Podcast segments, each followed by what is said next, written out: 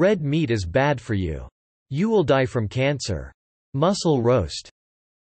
The research below about eating red meat suggest exactly what the title of this article says.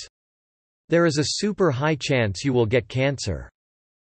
A lot of people want to know if they will get cancer or any sort of other disease including heart disease by eating red meat. On one hand, you have huge meat-producing companies that want you to keep eating meat. Then the other side that is vegan, or animal-loving that wants you to stop. We have done some digging in regards to this. We will provide you with full answers about the health risks and just the overall picture. If you are into fitness don't get scared, you can still get jacked and you decide to stop eating red meat. What does scientific research say about eating red meat? Does eating red meat increase the risk of heart disease? A lot of red meat is very high in saturated fat, including steak, ground beef, beef sausages, etc. When you eat something with high saturated fat, you can increase your cholesterol, and that definitely increases your risk of heart disease. Does eating red meat increase the risk of getting cancer? I am sure you have heard the answer to that is yes. Research suggests something that supports that answer.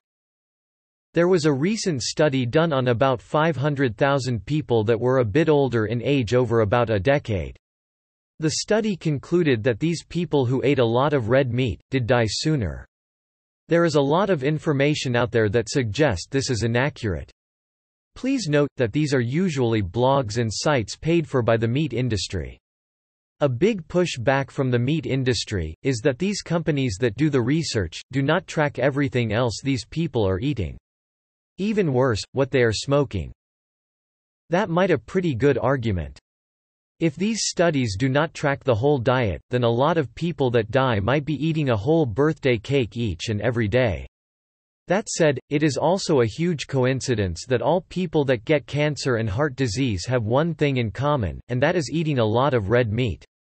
Red meat and Western-style diet research study. There was another study done that confirms that red meat is not good for you. About 80,000 people were tracked in the course of 18 years. These are people who ate a Western-style diet, which was high in red meat, sweets, and fast food as well. After a physical checkup of many, research found that they were all at high risk of cancer and heart disease. A nutritional scientist from Harvard, stated that colorectal cancer is very consistent with consumption of red meat. What in red meat causes the increased risk in getting cancer? Nobody really knows yet. I know that is a crappy answer but that is truth. A couple things do arise on the other hand. The saturated fat being linked to colon cancer and also breast cancer we already discussed. Another thing to take into consideration, is that carcinogens are formed when meat is cooked, that damages your cells, along with heme iron which leads to cancer as well. What are the benefits of eating red meat? There is a lot of benefits to eating red meat. That sounds very funny to say since I just listed studies that suggest you are going to die from eating it. Here are some good ingredients inside of your favorite steak. Red meat is a great source of iron, protein, L-arginine and creatine. Calorie for calorie, beef is one of the most nutrient-rich foods. One 3-ounce serving of lean beef contributes only 180 calories, but you get 10 essential nutrients. Should pork be considered red meat, is it the same? The color of the meat is determined by the amount of myoglobin that is in it. If you don't know what that is, it's a protein that contains oxygen in the muscle. Because pork has more of this protein than fish and chicken, it is considered a red meat. How much red meat is too much? If you are wondering how much red meat you should eat, the appropriate answer is none. That is my opinion, and I formed that opinion based on the research I am giving you here. If you refuse to stop eating red meat, then try to limit it to 5 ounces per day. That is like a little McDonald's hamburger patty. Also know that red meat takes a long time to digest. Yes it's true. Red meat like steak can sit inside of your stomach sometimes for three days before it's fully digested. The National Cancer Society recommends you eat no more than 20 ounces of red meat per week. If you have the option, you should avoid as much of processed meats as you possibly can. Everything from sausage to bacon, to deli meats and hot dogs is absolutely horrible for you. Is grass-fed beef a lot better to eat? Yes. It contains a lot less saturated fat, and also a lot more omega-3 fatty acids, which is very healthy for you. It is a little more expensive if you get organic beef, but I do strongly recommend it if you can afford it. Can the way I am grilling my meat affect cancer-causing compounds?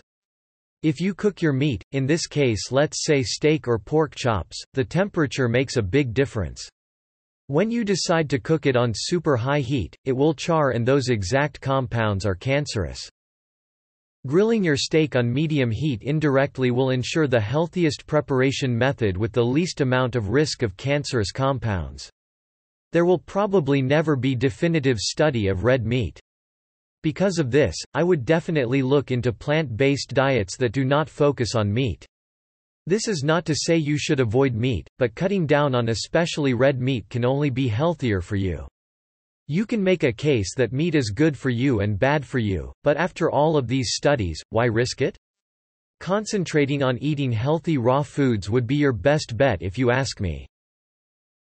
Conclusion about red meat. At the end of the day, it's hard to stop eating things you are used to eating your whole life. Many people on Earth that are not some sort of crazy animal lovers, and vegans, eat meat. That said, it does not mean that they are wrong about the torture of animals or the health risks of eating red meat. But my point is, why risk it? If you have multiple studies that say red meat is directly connected to cancer and heart disease, why not leave it alone?